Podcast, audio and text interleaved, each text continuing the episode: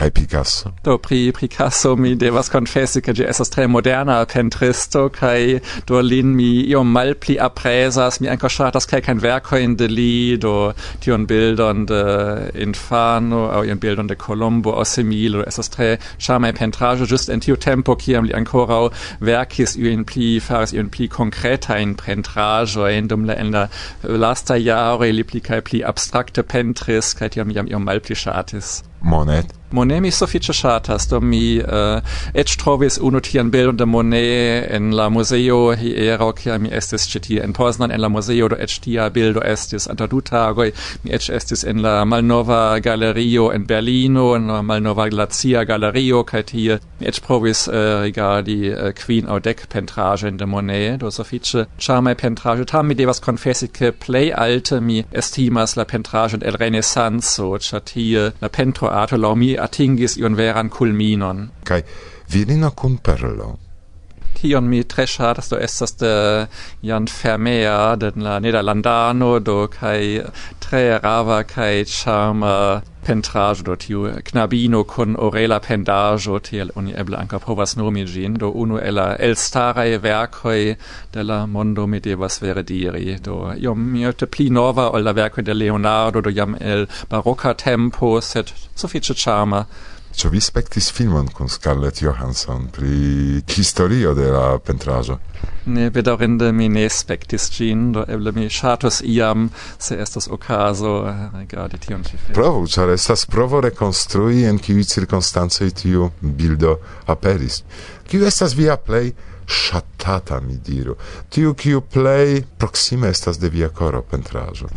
No mi eĉ jam menciis ke mi ege ŝatas pentraĵojn de Rafael kiu laŭ mi eĉ estis iom pli perfekta pentristo ol Leonardo mi eĉ devus diri do eble en la venonta jaro ne pli parolos pri li ĉar tiam estos lia kvincenta mortojaro nun ja estas tiu de Leonardo kaj de Rafael mi ege ŝatas la diversajn madonojn inter alie ĉar estas tiel dolĉaj kaj teneraj kaj intimaj intimai bildoi kai aparte mi shatas kiel mi jam menciis la tiel nomatan sixtan Madonon kai mi anka vere rekomendas rigardi gin in originalo en Dresdeno en la Castello Zwinger chat hier es das vere grandiosa impresso chatemas temas pri granda belega bildo. Oni havas quasi la impresson ke Maria con la infano schwebas al spectanto es das tiel charma dum exempel net tiel indas rigardi la Mona Lisa in Pariso ĉar fakte mal granda bildo kun grandega homa amaso kaj oni ne povas vere bone rigardi tion ĉi bildon. Jes kaj estas vitro kiu malpermesas bone eh, ĝui la bildon. Ĉu vi sidas antaŭ bildo unu horon kaj observas ĝin aŭ nur eh, rigardas eh, du sekundoj tri kaj iras spekti la alian?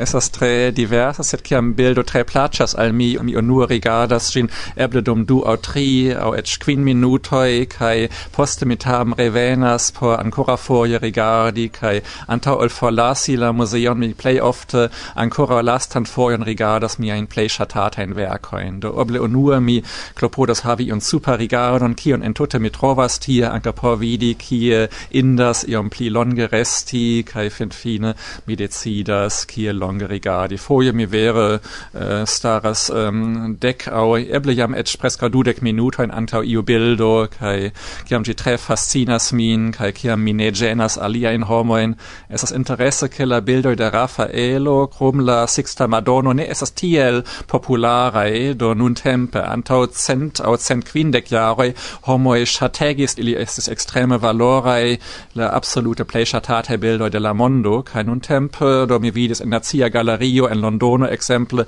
che oni povas tutte tranquille rigardi in beldo in da Rafael kai la homoj netro tro tie. Ne estis kino, ne estis televido, do nun tempe ni havas aliaj mediojn, kiuj mm, racontas ion al ni, iam estis bildoi. Ĉu vi studis arton, au estas nur via hobio?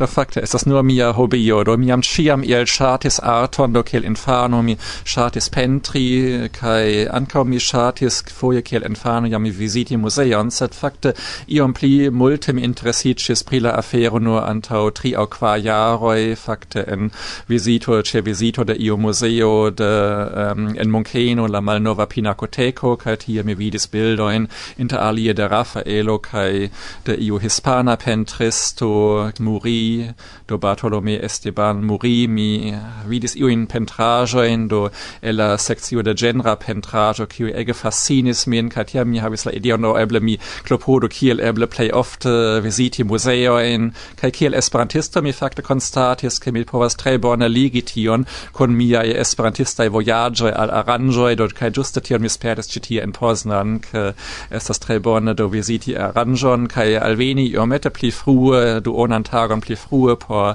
visiti la urbon kaj precipe ankaŭ por viziti la belan muzeon. Do simile mi malkovris botanikon, kaj via unua paŝo post flughaveno estas galerio, muzeo kaj mia botanika ĝardeno. Kiujn galeriojn vi vizitis kaj kiujn vi ŝatus rekomendi al la esperantistoj, ke ili vizitu kaj eble menciu pri kio valoras turni atenton estante en tiu galerio?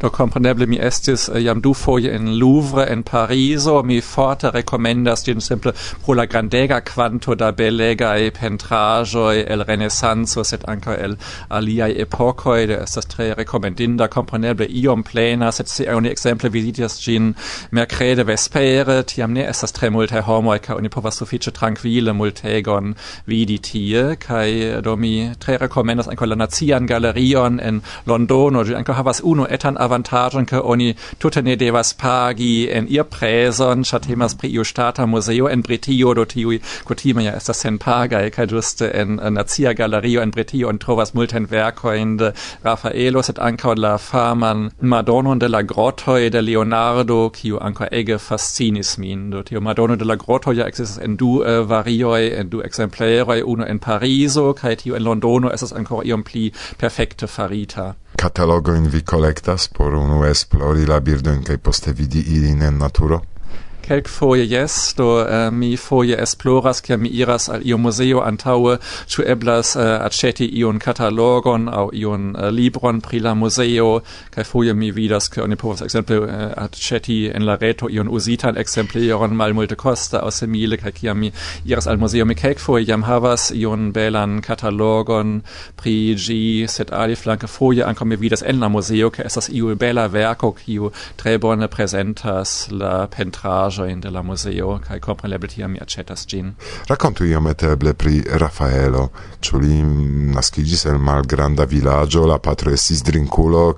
Do Rafaelo naskiĝis, mi pensas ke en urbeto Urbino, ie proksime al Florenco kaj estis verŝajne la jaro milkvarcent okdek ok aŭ io tia mi ne scias tute ekzakte, sed ĉiukaze mi scias ke lia patro ankaŭ estis pentristo kaj ekzemple en la galerio pentraĵ galerio en Berlino oni trovas ankaŭ bildon de la patro kaj klarigas ke estas bela bildo kvankam ne tiom mega valora sed est indas montri ĝin ĉar pri pentraĵo kiun faris la patro de Rafaelo do li kiel infano komponeble lernis pentradon kaj um, ähm, do Rafaelo kiam li havis ĉirkaŭ dek ses aŭ dek sep aŭ dek ok jarojn li jam fariĝis sufiĉe fama pentristo kaj do vi eble scias ke li mortis suffice june en la jaro mil quincent dudec jam en arge de nur tridec sep jare, tre bedorinda afero, set uh, li tamen bon chance post lasis veran abundan ricolton de pentrajoi, do mi pensas che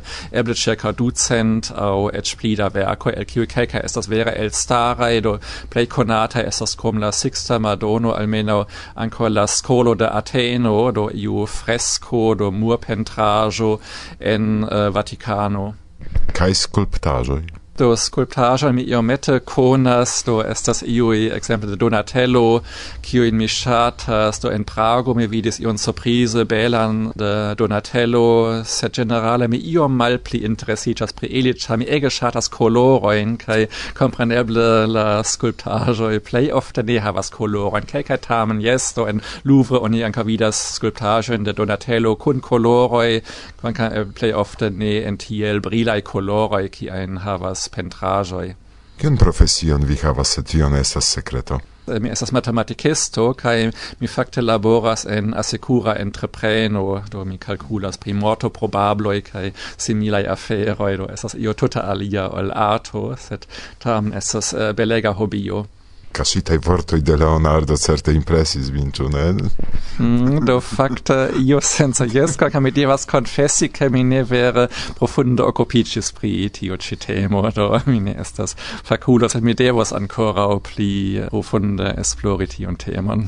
Ah, no, komenciĝas la aventuro, karaj, do vidu ke matematikisto povas ancora ion pruvi alla mondo ke malantaŭ la pentroarto estas ancora io alia. Mm, do ni convinkis vin kelkfoje ke valoras legi.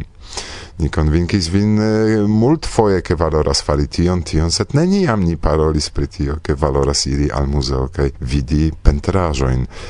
Kiel ciam, ni lasas la lastajn vortojn por vi, vi rajtas saluti ion, kiel Agnieszka diras, eĉ malamikojn, ĉu ne se vi deziras, estas tempo por vi. Do multan dankon al vi caraj aŭskultantoj do mi simple volas. Saluti ĉiujn esperantistojn aparte tiujn kiujn mi eble renkontis jam antaŭ multegaj jaroj kaj kiujn mi jam delonge ne plu vidis do por mi estas bele ke jam kiel junulo mi lernis la lingvon kaj mi estis en Pollando kaj en aliaj lokoj jam en la jaro mil naŭcent okdek sep do kiam estis jubilea kongreso en Varsovio kaj ioko en Krakovo do tiam mi uh, tre ĝuis la movadon kaj ĝuste homojn kiuj kiun mi jam konas de tre longaj tempoj kaj kaj mi eble jam de longe ne plu renkontis do ĝuste tiajn konatojn kaj amikojn mi ŝatus nun saluti.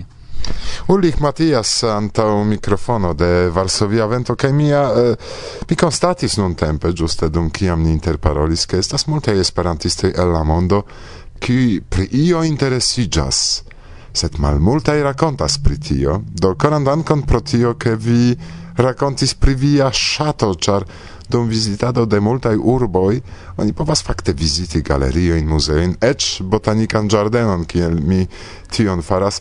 Ankoraŭ lasta demando, ĉu vi estis en Ermitaĵ en Sankt-Peterburgo?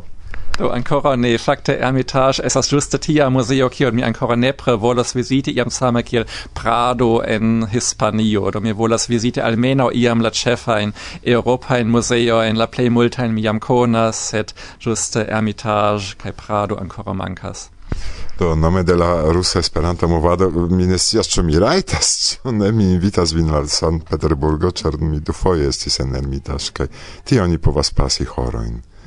Koran dankon pro intervjuo. Do sama evi, koran dankon.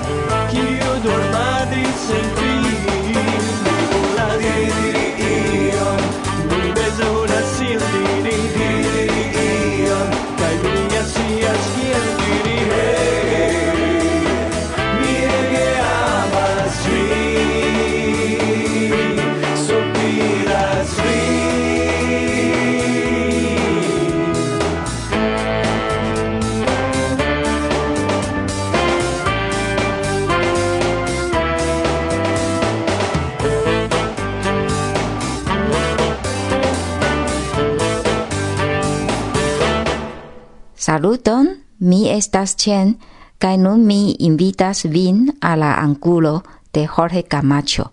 Nun mi legos plian poemon el tiu serio de lastatempa i versajoi pri Esperanto, iom kritike, iom de extere. Di titoliĝas La Oazo.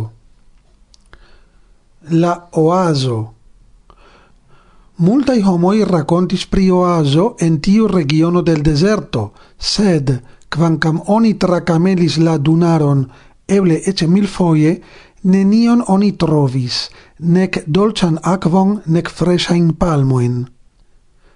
Tamen, iom postiom ili pavimis voioin tien conducantain, starigis signoin voi indicain, cae construis fortresoin, posteioin cae nocteioin por curieroi cae caravanoi.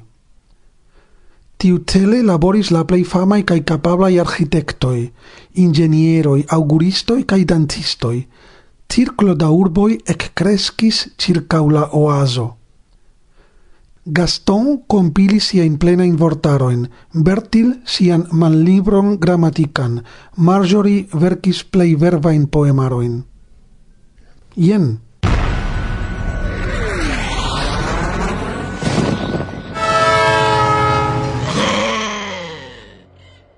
Watashi tachi wa mm. Alfabio bento o kite orimasu.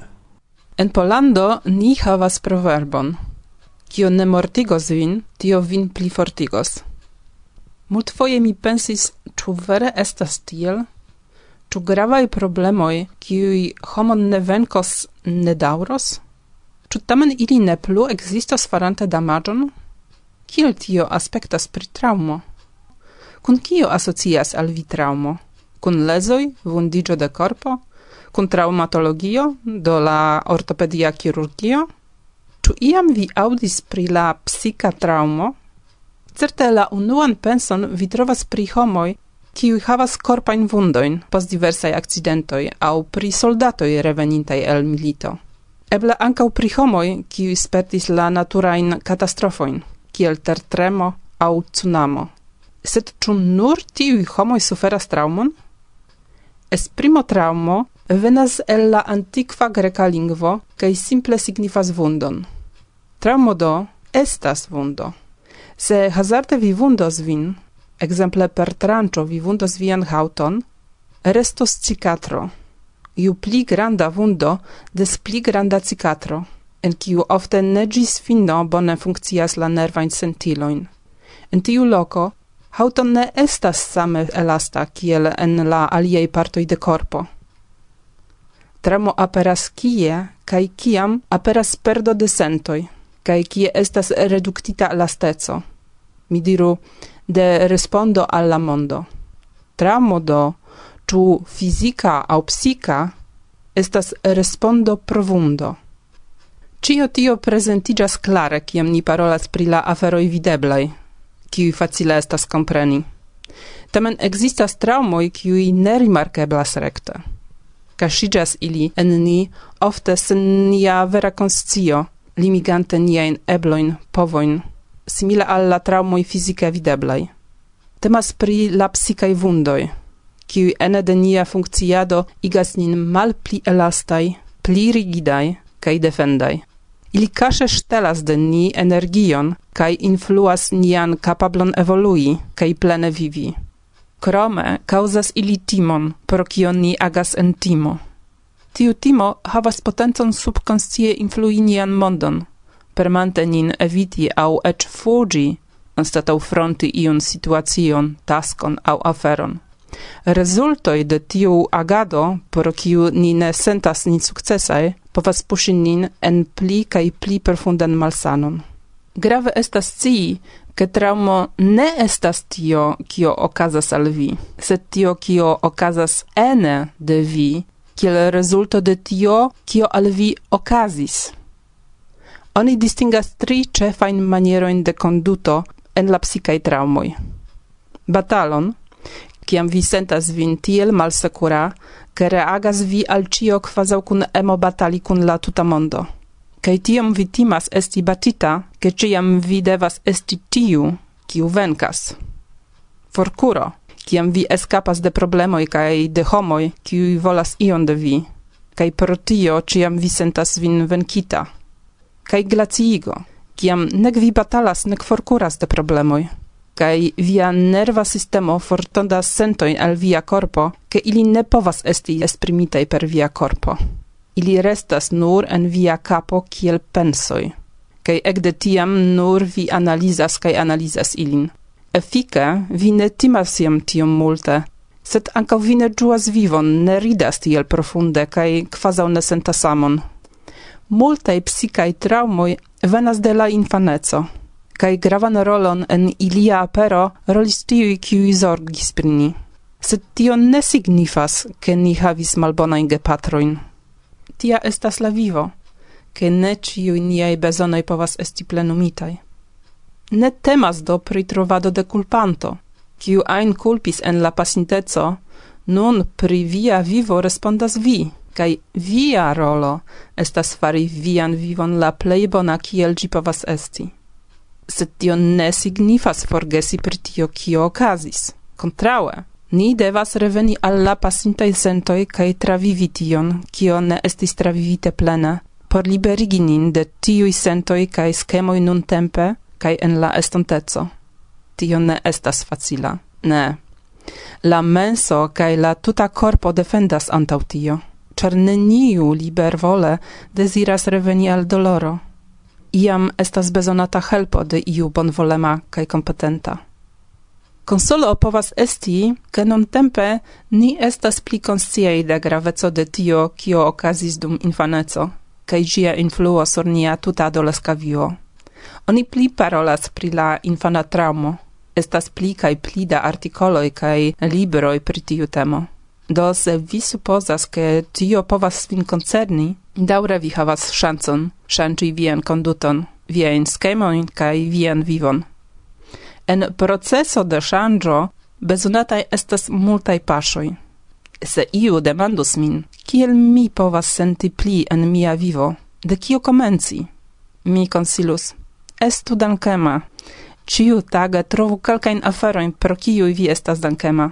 Pensu pri tio, scribu tion, audiru tion, kion vi sentas al iu persono, kiun tio koncernas. Do eble mi komencos. Mi estas dankema pro eblo partopreni en preparado de niaj podcastoj. Pro tio, ke ciam mi mem povas elekti temon pri kiu mi parolos, pro pacienco de Irek, pro teo, kiun mi trinkas en bona akompano, pro la plej bonaj registriloj, kiuj neniu havas nur ni, pro kaj pro kaj pro. Kaj vi, Pro kio hodiaŭ vi volus danki? Silvia. Reklamo. Saluton nome de la organiza comitato de Transponta Congreso. Ni konfirmas organizadon de Transponta Esperanto Kongreso en Frankfurt ce Odro kaj Słubice inter la dudeknaŭa de majo kaj la kvina de junio venontiare. La congresson organizas kvar asocioj, inter ili la pola kaj germana asocioj kun Internacia Fervojista Esperanto Federacio kaj Europa Esperanto Unio. Nun post la trovo de la locoi inter ili anco congresseo comencigis laboro pri abunda cae interesa programo, parte scienza, parte distra, cae pri ciui aliai detaloi poche vi la partoprenanto havu neforgeseblan tempon. Do ne preplanu vian aligion, char tiui eventoi ne oftas. Baldau plida informoi en la reto. Saluton de la organiza comitato!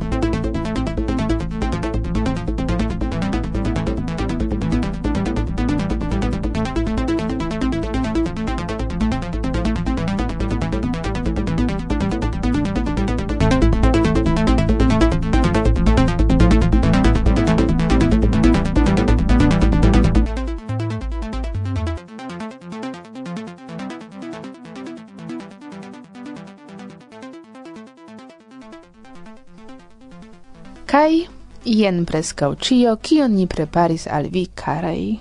Restis nur la quara duonhora parto de nia elsendo. En kiu annoncita jam pli frue? Angule, compreneble.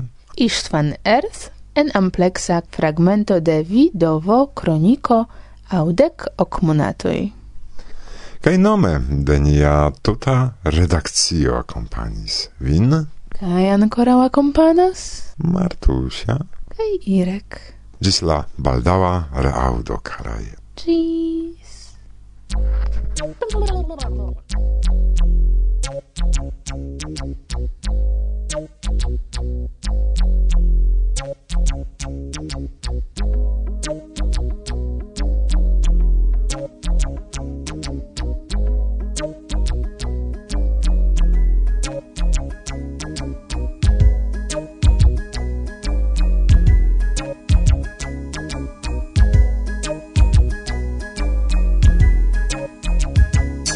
las Ŝia raza rakonti fabloj Malfacilas marŝi kontraŭ vento de sabloj Facilas ne vidi kaj kunaĉuloj kunlabori Malfacilas politike kontraŭ stari Facilas ĉe armeo pafi iun per kuglo Malfacilas trakti malamikon kun indulgo.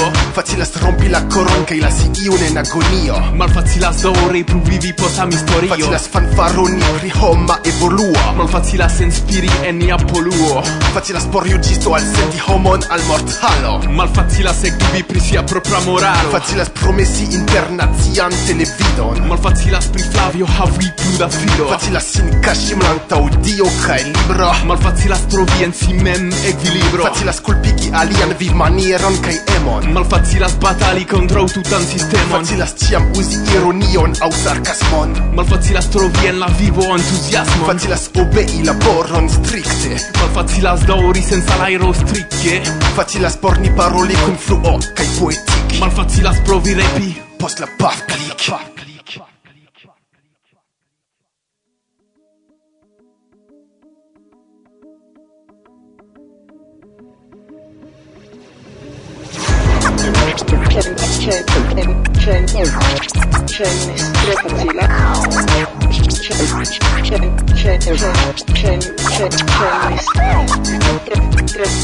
Thank you. Check,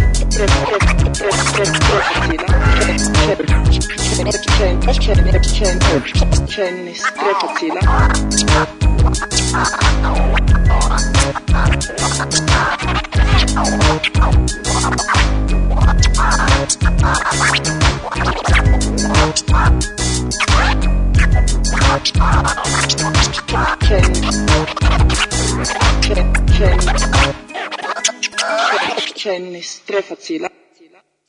Varsovia vento. Bla bla bla. bla.